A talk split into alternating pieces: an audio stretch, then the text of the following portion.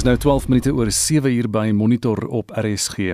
En in die Oos-Kaap, soos in die res van die land, wag inwoners vir die koms van die COVID-19-enstof. Agt bergingsfasiliteite is gereed gemaak in hierdie provinsie en die provinsiale regering teiken om so 3,7 miljoen mense in 6 tot 9 maande in te ent. Mitsi van Merwe berig.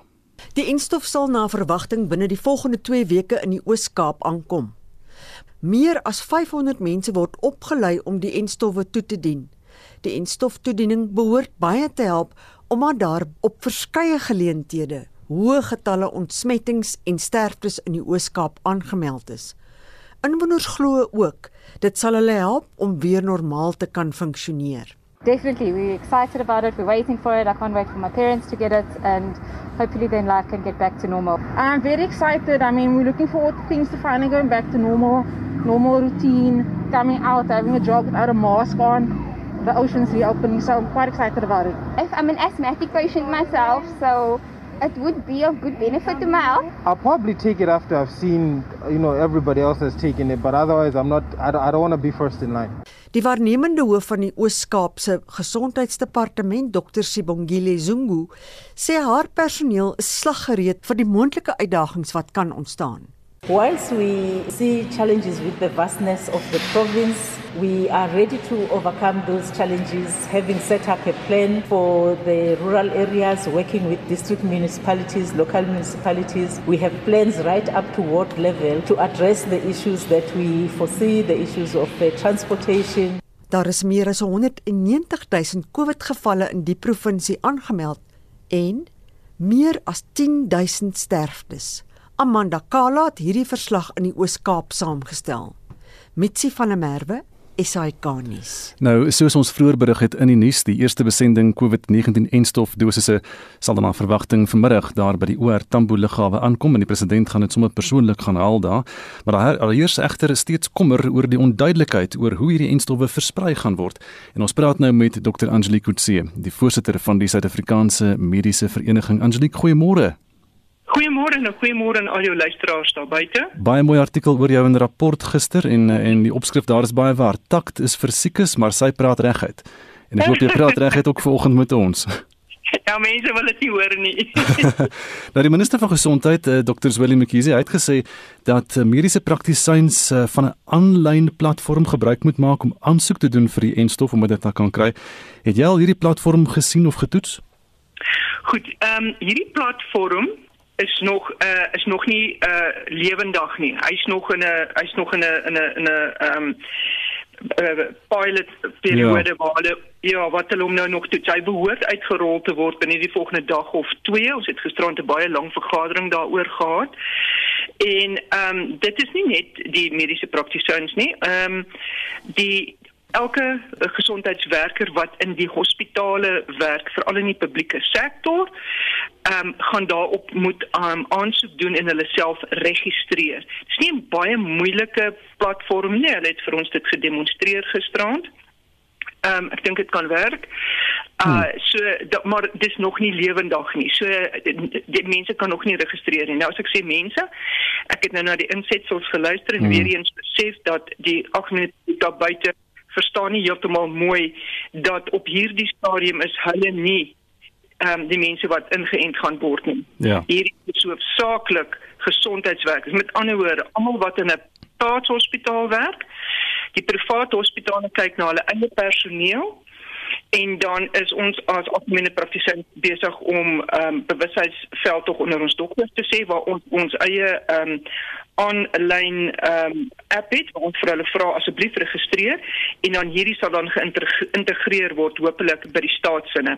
So jy gaan nie daar net kan opdaag en sê ek kom vandag en ek wil ingeënt word nie. Want dan gaan dalk nie in 'n wees nie ja.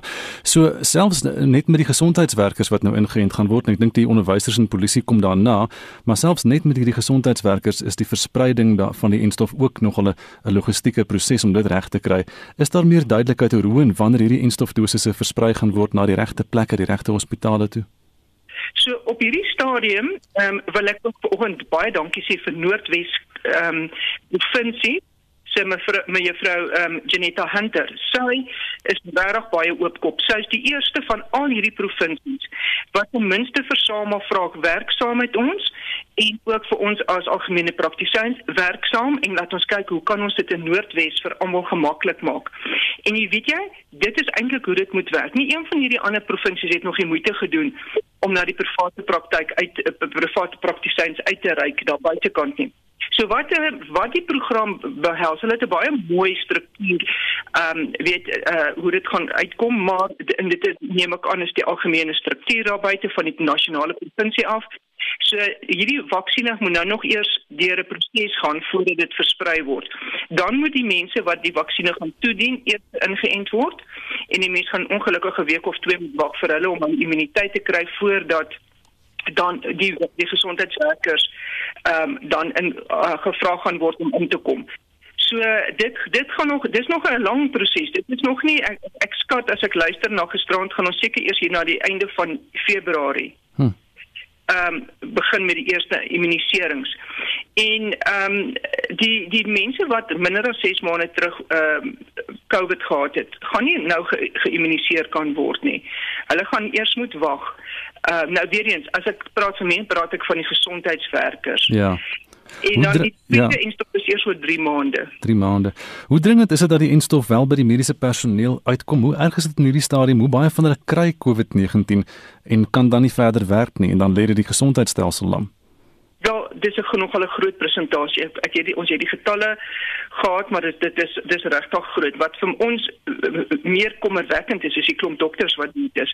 Daar's meer as amper 300 dokters ehm um, wat siek geword het en omtrent die helfte van hulle is dood. Ons kan dit nie bekostig in ons land nie. Ons het heeltemal te min mense in ons land om dit te kan bekostig. Hmm. Dan natuurlik die groot storie wat die laaste paar weke mense praat baie daaroor en toe die gesondheidsprodukte reguleerder ook nou gesê uh ivermectin kan gebruik word dat dit intussen op die lughawe beslag gelê op onwettige ivermectin wat daar aangekom het. Wat is jou reaksie op die aankondiging oor ivermectin en oor die gebruik van die produk en hoe moet 'n mens maak? Okay, eerstens, ehm um, weet jy, as gevolg van druk van buite af, het SAPRA nou gesê, goed, kom ons doen dit nou onder gekontroleerde omstandighede, gaan ons nou vir die vir die algemene praktisyns sê ehm um, jy is welkom om te gebruik, maar jy gaan moet aansoek doen. Jy gaan moet vir ons sê watter pasiënt dit is. Jy gaan moet vir ons bietjie data oor hierdie pasiënt gee en jy gaan vir ons op daar op hoogte moet hou van die dosisse wat jy gebruik plus wat dan gebeur. So Ivermectin is nie oop vir die publiek vir algemene gebruik nie. Dit is glad nie so nie. Ehm um, die die studies is regtig Um, ek, weet ek ek sê dit en dan gaan daar 100 dokters my bel en vir my sê hulle het al hierdie studies maar daar's nou al daai gestudies gekyk. Mm -hmm. Daar is nie oortuigende data op hierdie stadium nie. So as Suid-Afrika oortuigende data wil hê, dan gaan die dokters nou maar weet hierdie goed moet invul dat ons die data kan kry. Want ons kan nie die data op 'n ander manier kry nie.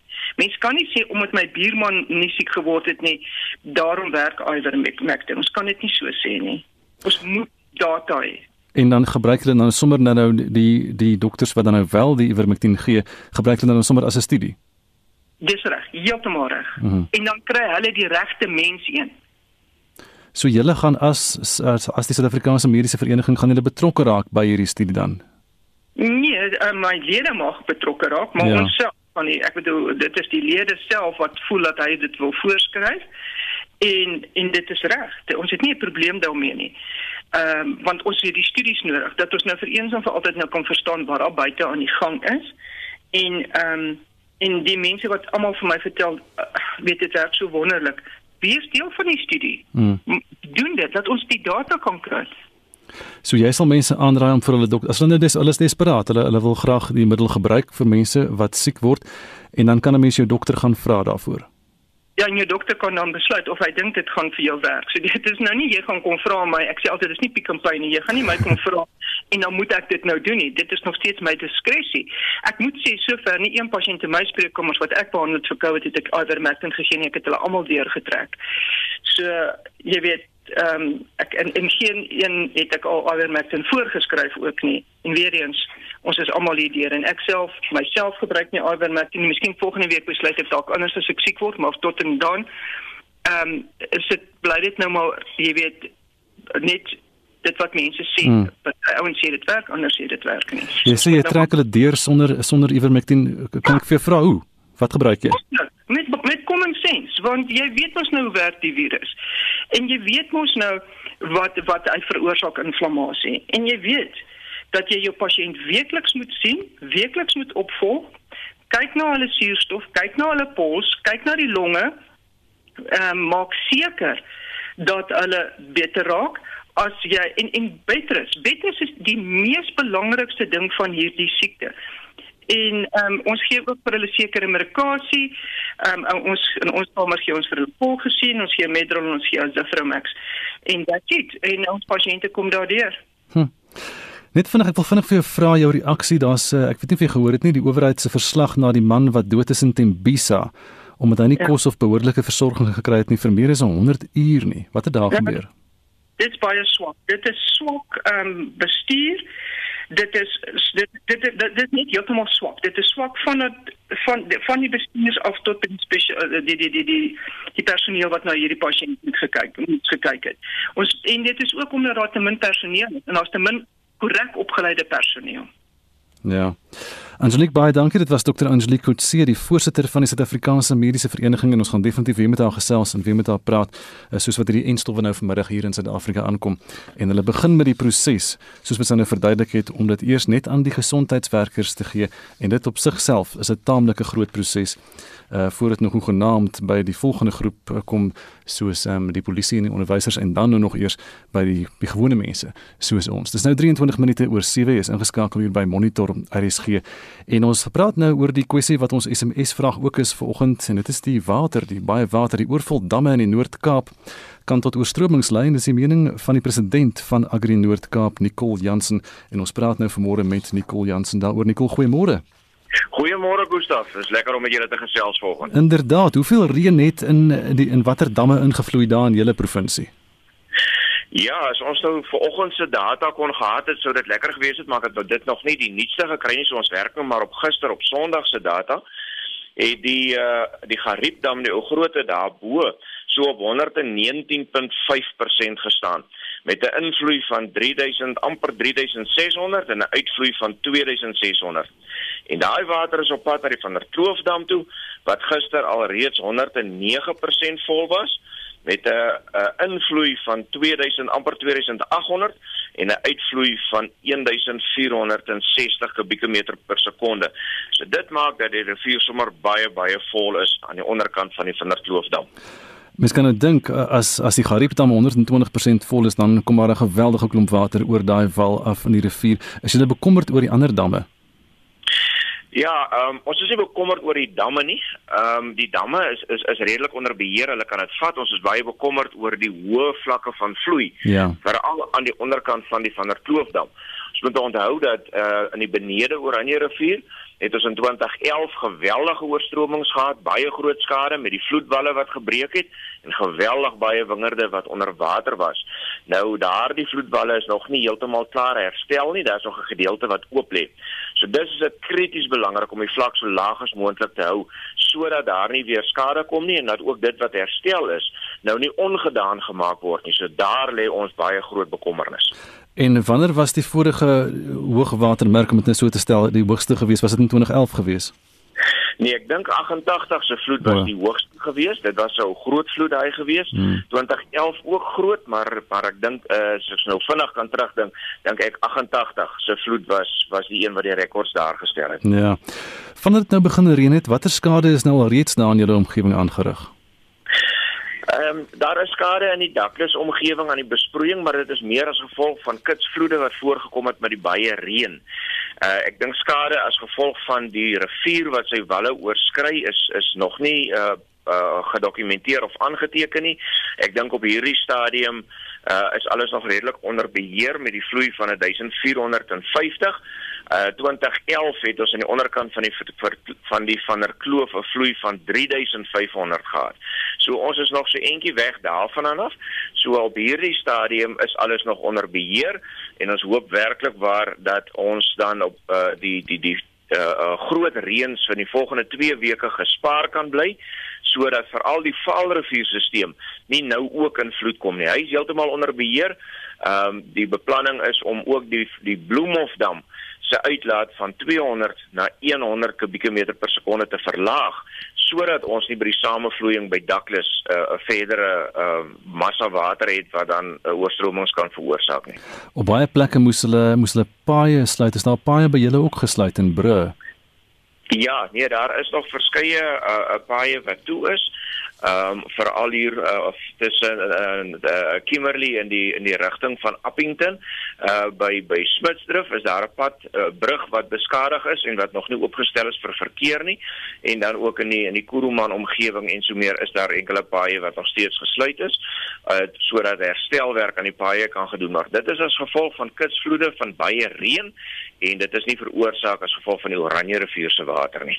Jy het nou vroeër vinnig verwys na hierdie vloedwalle wat in 2011 se vloed ehm uh, nou gebreek is uh, en en dit is nog nie heeltemal herstel nie. Wie moes dit herstel?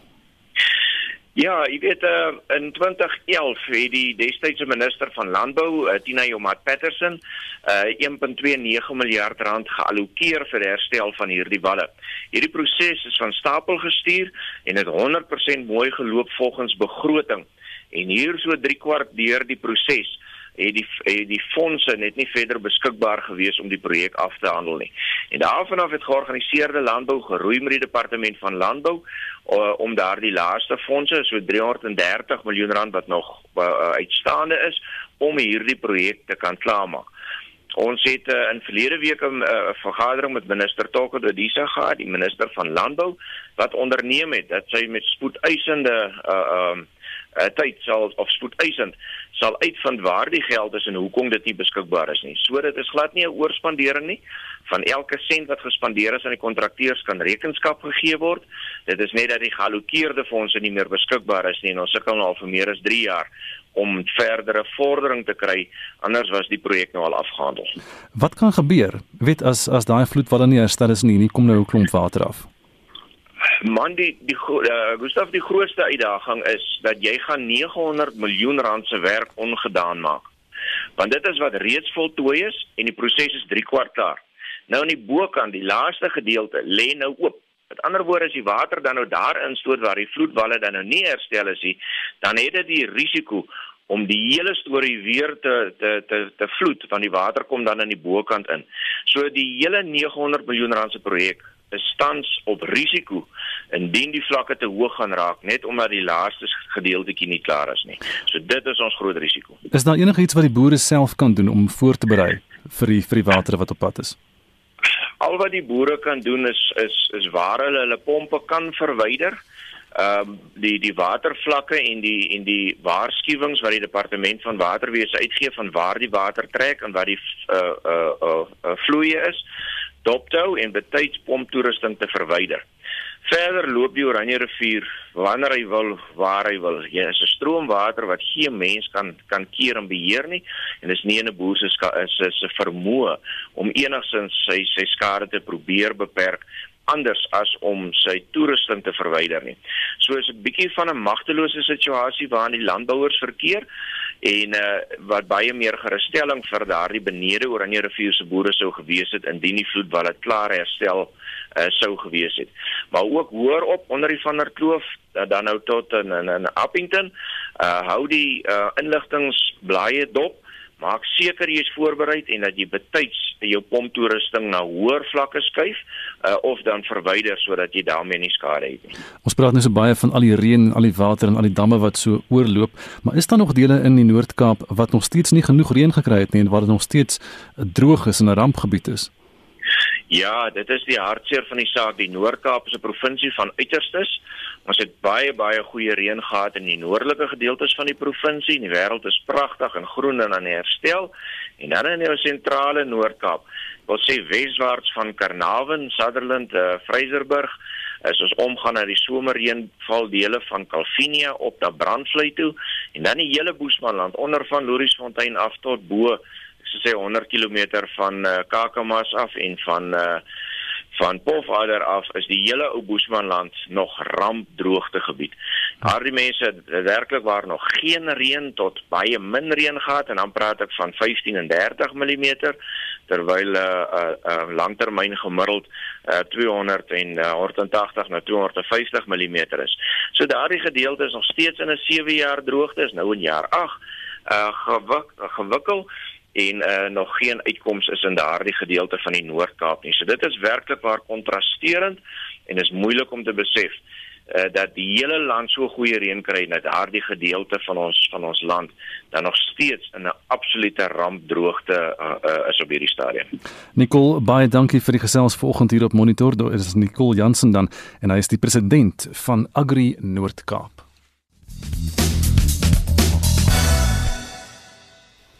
Dis nou so 26 minute voor 8 uur by Monitor op RSG en tyd vir wêreldnuus gebeure. Die wêreld se oë is nou gerig op Myanmar vanmôre waar 'n staatsgreep moontlik onderweg is en die land se president Win Myint is saam met die politieke leier, die bekende uh, Aung San Suu Kyi, in senior politisie in hegtenis geneem deur die weermag.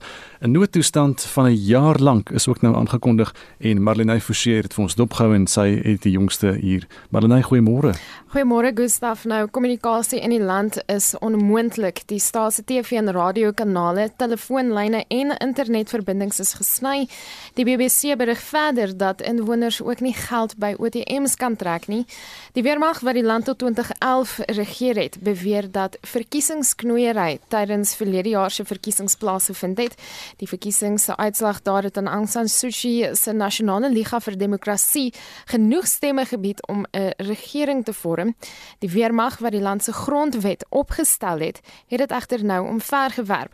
Die VN se spesiale rapporteur vir Myanmar, Tom Andrews, sê dis onaanvaarbaar. It provides them with enormous power. It leaves them unaccountable in many respects. It provides them with 25% of the seats in the parliament uh, that are appointed by the commander in chief, not elected by the people of Myanmar. They have enormous wealth. They have control of economic institutions that are totally unaccountable in terms of the public at large.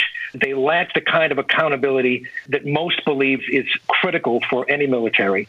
And now, despite all of those benefits that they gave themselves, they have overthrown the Constitution.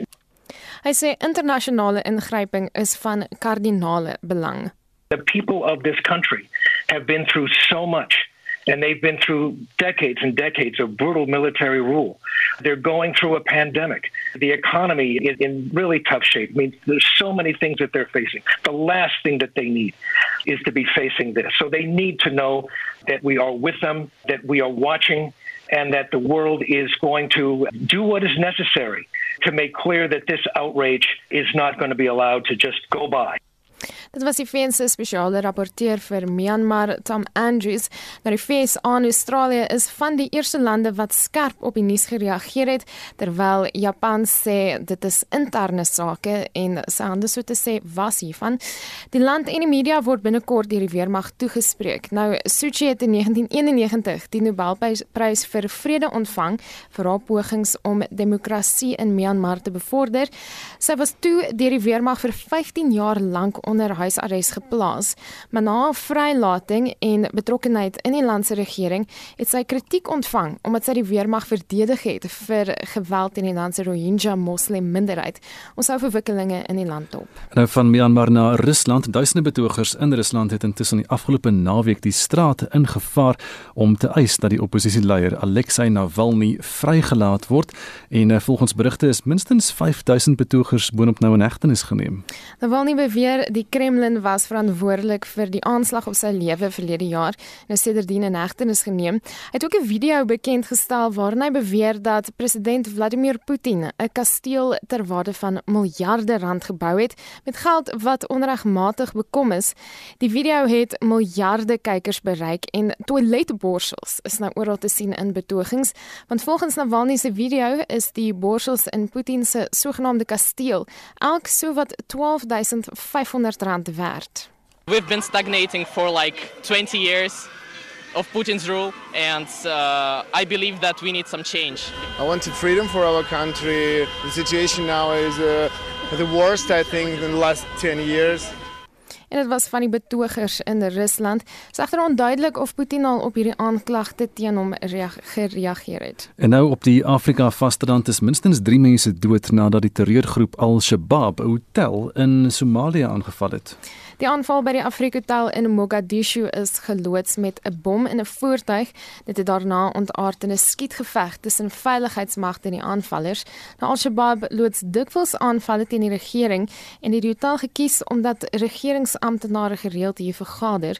Volgens die polisie was lede van die wetgewer en senior lede van die weermag in die gebou tydens die aanval. Dit was Madeleine Forsie met vanoggend se internasionale nuusgebeure 21 minute voor 8 uur by Monitor op RSG. En uh, voor ons 'n nuwe week begin, moet ons die afgelope naweek se sport opsom en ons gesels met Pieter van der Berg. Uh, Pieter, goeiemôre. Môre, môre Gustaf. Een groot storie hier op 'n maandagooggend natuurlik. Ons gesels eers rugby sake. Uh, Saterdag is die nuwe Curriebeeker kampioene gekroon en jy het seker die sake daar ook fyn dopgehou. Ja, die eindstryd het dan op Lofte Sirsalt in Pretoria gespeel. Die bulle teen die haie en dit was drama soos min gewees soos mense maar gewoonlik verwag met 'n eindstryd. Die spanne moes in die eerste helfte die veld verlaat weens weerlig in die omgewing en na gewone tyd was die telling gelykop en daar moes 20 minute ekstra tyd gespeel word. En sê ook die eerste keer sedert 2006 wat daar ekstra tyd gespeel was. Nou boonop was daar ook 'n knoppie beslissings van die wedstrydbeamptes wat die wenkbroue so 'n bietjie laat lig het, maar dis die bulle wat die Curriebeeker vir die eerste keer sedert 2009 gewen het, die eindtelling 26 punte teenoor 19.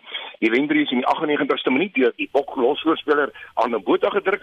Hy het as spasie vanger op die veld verskyn en dit was ook sy tweede 3 dan van die wedstryd. Die loskakels, Mornleinstein en Chris Smith vir die bulle en Cowan Bosch van die Haie. Hulle het verskeie skoppe paal toe gemis, maar kom ons loer net na daardie punte hoe dit aangeteken was dan. Die bulle 26 punte, ons aangeteken deur 2 3 van Arno Botha. Daar was uh, doelskoppe deur Morneystein en Chris Smit en dan was daar ook uh, strafdoele 3 deur Morneystein en 1 deur Smit geweest. En dan aan die kant van die Haie is dit uh, 19 punte wat hulle aangeteken het. Sibususi Nkosi, hy het daar die 3 gedruk en dan was daar 'n doelskop van Cowan Bosch en dan vier strafdoele wat deur Bosch behaal is. So dis aan die eindtelling uh, 26-19 en die nuwe Karibeker kampioene is die Bulle. Van die rugby na die cricket en hierdie week begin die tweede crickettoets tussen Suid-Afrika Suid-Afrika en Pakistan se manspanne en gister was ons vroue in aksie teen Pakistan.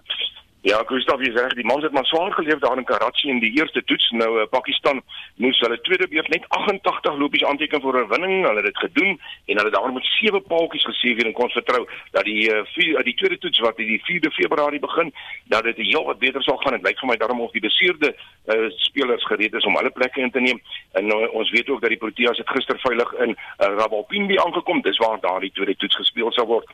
En soos jy genoem het, die Proteas se vroue span, hulle was weer gister in aksie en natuurlik in die eerste T20 wedstryde daar in Durban het hulle met 8 paaltjies geseëvier oor Pakistan. Nou gister is die tweede wedstryd al gespeel en dis weer Suid-Afrika wat aan die wenkant was, die keer met 18 lopies. Suid-Afrika het 133 aangeteken vir die verlies van 5 paaltjies. Desmond Brits het 'n pragtige 66 gemoker wat 8 vure en 'n 6 ingesluit het. Dan aan die kant van Pakistan 115 vir 7 en Sabneel Ismail het 5 paaltjies plat getrek. So baie goeie oorwinning daar vir ons vroue span en het ook die reeks daarmee ingepan.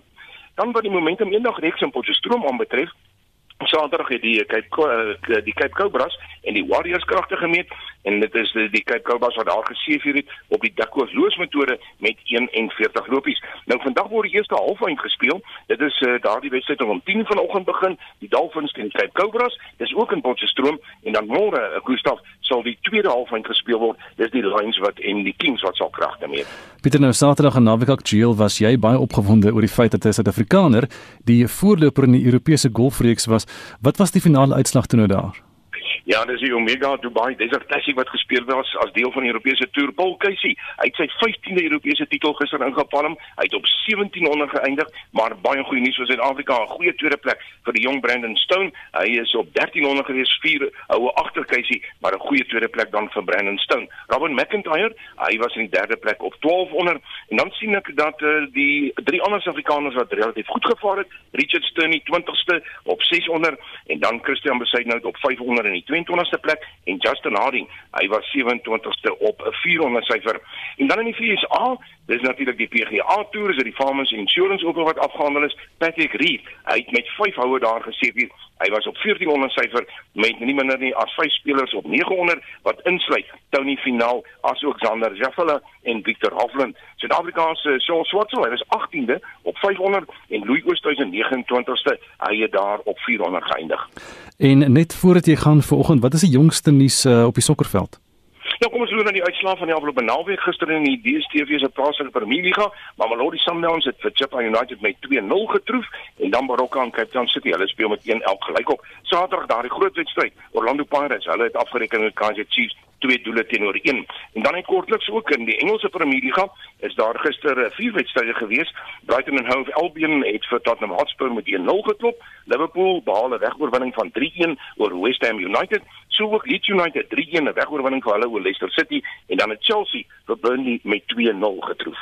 Pieter van der Berg van RSG Sport met die jongste sportgebeure van die naweek. Nou so 16 minute voor 8 en die minister van Finansies, Tito Mboweni, het die onafhanklike reguleringsraad vir ouditeure, die IRBA, ontbind.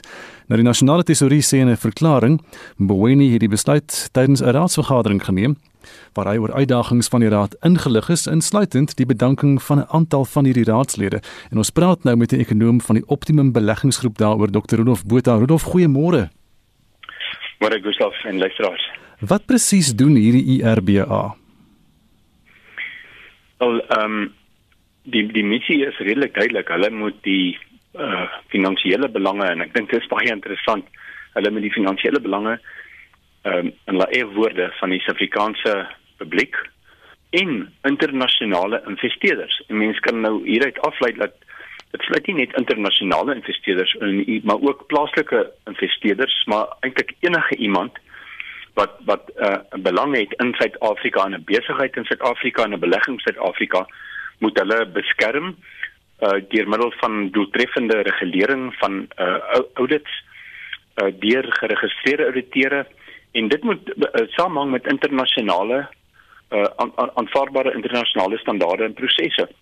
En die oude professie is internasionaal uh, ongelooflik goed gereguleer. Ek het self uh, toe ek oude kinde een daar by Tiggies buite mense in Proestraat in Pretoria geloop het, het uh, dit was die verveligste vak wat ek in my hele lewe op universiteit gehad het. Al hierdie oude standaarde en uh jy weet as as jy nou byvoorbeeld 'n deposito gehad het by die by die poskantoor en daai dae vir jou telefoonrekening dan moet jy nou 'n bewys gehad het. Dan moet bewyse wees van alles. En ehm um, die dilemma is dat in die uh, dat vandat hierdie nuwe raad aangestel is uh, en dat 'n klomp ou men, mense wat die vorige raad het het toe weer bygekom en hulle was betrokke by die aanstelling van die die nuwe hoofuitvoerende beampte uh uh mevrou of mevrou John wat eers by Tonga Juliet was en en die die, die hele polemiek rondom hierdie kwessie is die feit dat sy was blykbaar betrokke by of sy uh, onder die matighede by Tonga Juliet het uh, met hulle finansies het sy misgekyk blykbaar. Tot hoe mate en, en hoekom het dit om Boweni self insa in hierdie raad se werksamehede? Wel, uh, nasionale tesourie is die uh is die departement of die entiteit wat uh, toesig uh, en oorsig moet hou oor die uh oor die oor die onafhanklike raad. So dit is sy dit is sy taak om die waarheid te sê indien daar ondermatighede is of indien daar botsende belange is of indien daar onder ongeruimthede en in hierdie geval lyk dit vir my ook botsende persoonlikhede is. Want daar's van die mense wat wat wat uh, ek dink wat kommerwek is dat 'n paar van hierdie raadslede en ek sien in, in verskeie van die berigte uh moes daar regstellings gemaak word want die aanvanklike berigte is geskryf asof hierdie raad nou almal in die pad gesteek is deur meneer Mboweni, maar toe dit nou later uitgekom dat van hulle het uh net voordat hy hulle in elk geval die trekpas sou gegee het, het hulle self bedank. Nou, jy weet as dit 'n kwessie is van 'n paar minute, dan uh, jy weet dan was dit nie regtig 'n bedanking nie, maar daar was beslis uh botsende belange binne in daai raad. Daar was van daai raad uh, individue in die raad wat ten gunste was van hierdie aanstelling van van hierdie ehm um, uh, vrou van John. Ehm um, en daar was ander wat gekant was daarteenoor. En op die oomblik wat my bekommer is dat uh uiteindelik half en half ek sou nou nie sê die wet oortree nie. Uh maar maar volgens die ehm um, auditeurswet moet daar tussen 6 en 10 uh individue op daardie raad dien vir hom 'n quorum te hê. Nou het hulle nie 'n quorum nie, want daar's nou net twee tydelike persone aangestel. Ehm um, so, so, en dit is baie bekommerwekkend want ons sit hier in Suid-Afrika met 'n geweldige probleme. Uh uh een van my medewerkers Keith Lockwood wat jarelank hoofekonoom was van die uh, SA Kamer van uh, Besigheid en Nywerhede. Hy het uh, omtrent 5 jaar gelede het hy uh, kwantifiseerbaar gaan vasstel dat meneer Zuma en sy terwante al die korruptes in die in die openbare sektor het hierdie uh, Suid-Afrika se ekonomie 2,5 trilljoen rand gekos. Ehm um, en 'n mens sou beter verwag van 'n raad wat ook baie nou saam met die private sektor werk. En dit is so dat in die laaste klompe jare was daar 'n hele paar van hierdie skandale uh, van FBS tot Steinhoff tot die Tonga unit uh, self. En uh, ek moet sê ek is baie verbaas dat in, in die eerste plek uh, hierdie vrou oor oor wie daar oor wie se integriteit daar bedenkinge was dat hulle haar aangestel het as die hoofuitvoerende beampte. Dis waar die moeilikheid begin het. En wie daar aangestel uh, uh, die die uh, die raad. mm, ja. Wat is die implikasies vir die bedryf as daar nou nie so 'n raad is nie, as hulle nie 'n quorum het nie, as hulle nie kan kan hulle werk doen nie? Uh wel op die oomblik gaan die bedryf maar aan want daar is verskeie uh, uh jy weet wet wet wetgewing daar soveel regulasies en en wetgewende bepalinge waaraan hulle moet voldoen dat hulle kan aangaan met hulle werk maar dit skep 'n baie swak indruk vir voornemende internasionale uh, beleggers en ook binne in Suid-Afrika. Ehm um, jy weet daar is soveel uh, ongeruimdhede gewees die afgelope uh, tyd, die afgelope klomp jare ons dink ook byvoorbeeld aan ehm um, African Bank daar uh, die integriteit van die nie net die uh, ouditeure, die interne ouditeure nie, maar ook die die eksterne ouditeure uh, onder verdenking geplaas is en waar ongeruimdhede of nie uh, dat hulle nie agtergekom het nie of dat hulle dit doelbewus daardie boeke ehm um, gemanipuleer het. Jy weet ek self gedoen het baie baie jare gelede het my uh, verloot vir my gesê die verloot wat aan weet moet verslag doen toe sê hy my uh rekening kan as jy so moeilik in die audit professie nie vir elke debiet is daar 'n krediet maar daar moet 'n bewys wees daarvan. So hierdie het uh, werklik meer my boei nie weet iets wat ons nie weet nie. Uh dit is baie duidelik.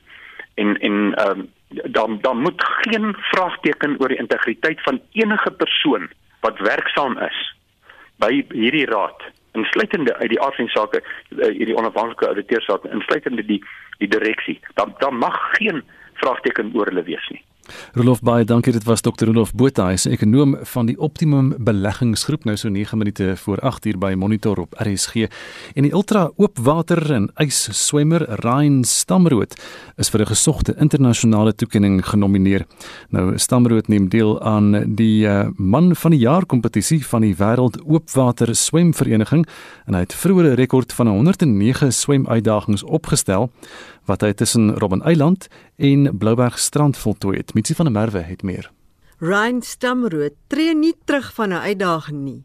Die swemtog van Robben Eiland is 'n ikoniese roete van tussen 7,4 en 11 km in ijskoue water. Is everything at you, all the cold water, the currents, the distance, the things that mess with your mind down there that you see. Oopwater swem verg baie opleiding. Die inperking weens die koronavirus wat in Maart aangekondig is, het Stramrood verhinder om vir 10 weke in die water te kom. Toe die beperkings uiteindelik gelig is, het Stramrood in Junie verlede jaar die rekord 109de swemtog onderneem. Hy is deur die Wêreld Open Water Swemvereniging erkenning vir sy pogings gegee. You got to keep yourself really fit and there was an extended period where I couldn't do that Um, yet I stuck to my goal and I managed to complete um, to get the record for Robben Island crossings and a few other swims as well. And I think that uh, piqued their interest. Stramrood het 'n lang lys van byna onmoontlike swemuitdagings agter sy naam. Dit sluit in die wêreld se eerste amptelike ysmyl in Antarktika wat in water van -1°C gedoen is die oorsteek van die Engelse Kanaal en ook die straat van Gibraltar waarin hy twee keer van Europa na Afrika geswem het. Sedert hy die rekord by Robben Eiland opgestel het, het hy dit reeds 5 keer weer geswem.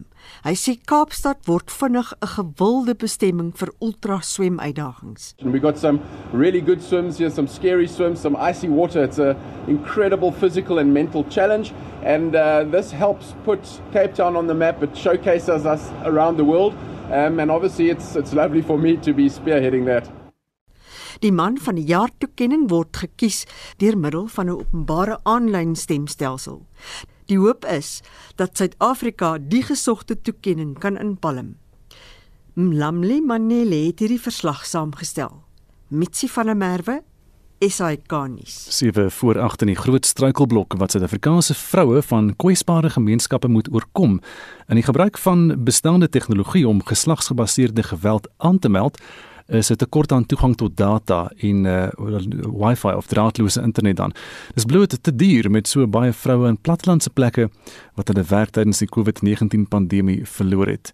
Nou Tina Tiart van die Thousand Women Trust sê dit in lig gekom na 'n studie wat gedoen is. Ons het so 42 organisasies gevra om deel te neem aan ons navorsing en ons het gevind dat bitter min van hulle regtig tegnologie gebruik. Om die waarheid te sê, toe ons vir hulle gevra het wie het toeps afgelaai, want daar's baie toeps op die mark. Daar's al net so iets as 8% van ons respondents wat nog ooit 'n toep afgelaai het om te gebruik. En dit is nou insluitende die COVID toep. Wat is die rede hiervoor? Het julle navorsing daaroor gedoen? Ja, die meeste van die vroue sê dat data baie duur is en ook dat baie vroue nie goeie selfone het nie. En natuurlik die internet is nie geen toegang vir hulle nie. Hulle gebruik dit nie. Die meeste wat gebruik word is WhatsApp, hierdie toepassing en soms dit het hulle nie gebruik om gesinsgeweld byvoorbeeld te rapporteer nie. So dis maar 'n kwessie van armoede neem ek aan. Ja, maar Ek meen ons almal weet data is duur en as jy data nodig het, dan het jy dit nie. En verder was dit ook onkunde oor hoe om goed reg te gebruik. Die meeste van die vroue wat nie byvoorbeeld WhatsApp wou gebruik het om te rapporteer nie, het gesê dat hulle bang was vir intimidasie. Hulle was bang iemand steel die foon en dan is al daai inligting in gemeenskaps beskikbaar. So uh, baie baie moeilike stories. En ook selfs met sosiale media. Hulle het nie geweet om hulle self te beskerm nie. En weer eens het dit gelyk asof tegnologie regtig nie gebruik word deur die vroue nie. So wat gaan julle deur die We Dare veldtog doen om dit te verander? Nou eerstens dink ek in die We Dare wil ons kyk watter tipe toepassings moet ons ontwikkel. En dan tweedens ook watse tipe opleiding moet ons vir vroue gee sodat hulle byvoorbeeld daardie toepassings kan gebruik en dat hulle weet hoe om dit gebruik en weet wat is veilig en wat nie.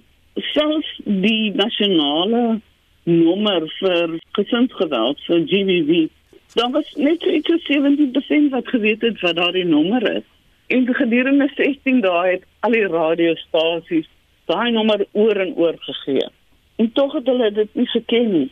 En selfs waar daar 'n veilige huis is, 'n shelter is, hulle het nie geweet nie en tog is shelter 'n nuwe hulplyn ook oral geaccepteer. So die inligting bereik nie die vroue nie. En ons dink definitief as ons kan kyk na beter maniere om hulle te kommunikeer en beter maniere om hierdie inligting te versprei dat baie vroue daarmee hulp sal vind. Het jy vir my syfers van hoeveel vroue in Suid-Afrika onder gendergeweld ly? Ons het mos vroeër van jare het ons tipe van navorsing gedoen. Die getalle wat al die mense gee is 1 uit 3 en wat ons gevind het is dat dit is net wat aangeteken word waar daar fisiese merke is wat vrouens absoluut kan bewys dat hulle aangerand is dat hulle fisies kan wys.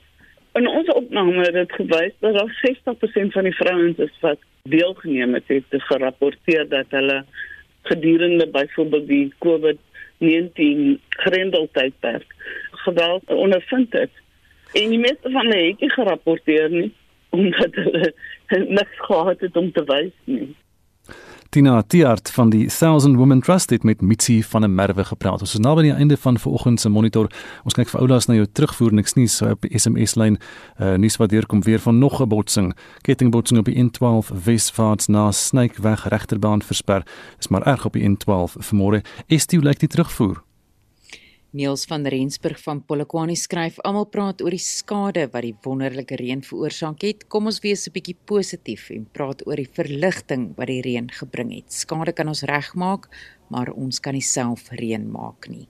En Dani Zili, 'n oud waterwese werknemer sê die Hendrik Verwoerdam, nou die Gariep, was in 1988 134% vol. En Dani sê dit was 'n asemrowende gesig. Baie dankie vir jou terugvoer vanoggend. Justin, hoe lyk die dagboek vir Spectrum later vanmiddag? Wel so van die Gariepdam gepraat, uh, dit is omtrent so 120% vol en boere langs die Oranje rivier word gewaarsku om voor te berei vir moontlike oorstromings. Dan ook privaat skole heropen vandag en dit terwyl staatskole eers op 15 Februarie heropen en ons volg ook op uh, of ons volg ook die beweerde staatsgreep op wat besig is om in Myanmar plaas te vind. Onthou vorige uitsendings van Monitor is op RSG se webblad beskikbaar. Elke dag se program is daar elke uur afsonderlik. Dis 'n potgooi en jy gaan net na rsg.co.za klik op potgooi en dan op M vir Monitor. Ons groet namens ons waarnemende uitvoerende regisseur Wessel Pretorius. Die redakteur vanoggend was Jean Esterhuizen en ons produksieregisseur vandag Daitrin Godfrey. Bly geskakel hier by RSG want net na die 8 uur nuus kan jy luister na Praat Saam met Lenet Francis Buren. Ek is Gustaf Vreiding en ons groet dan van Monitor tot môreoggend weer om 6:00.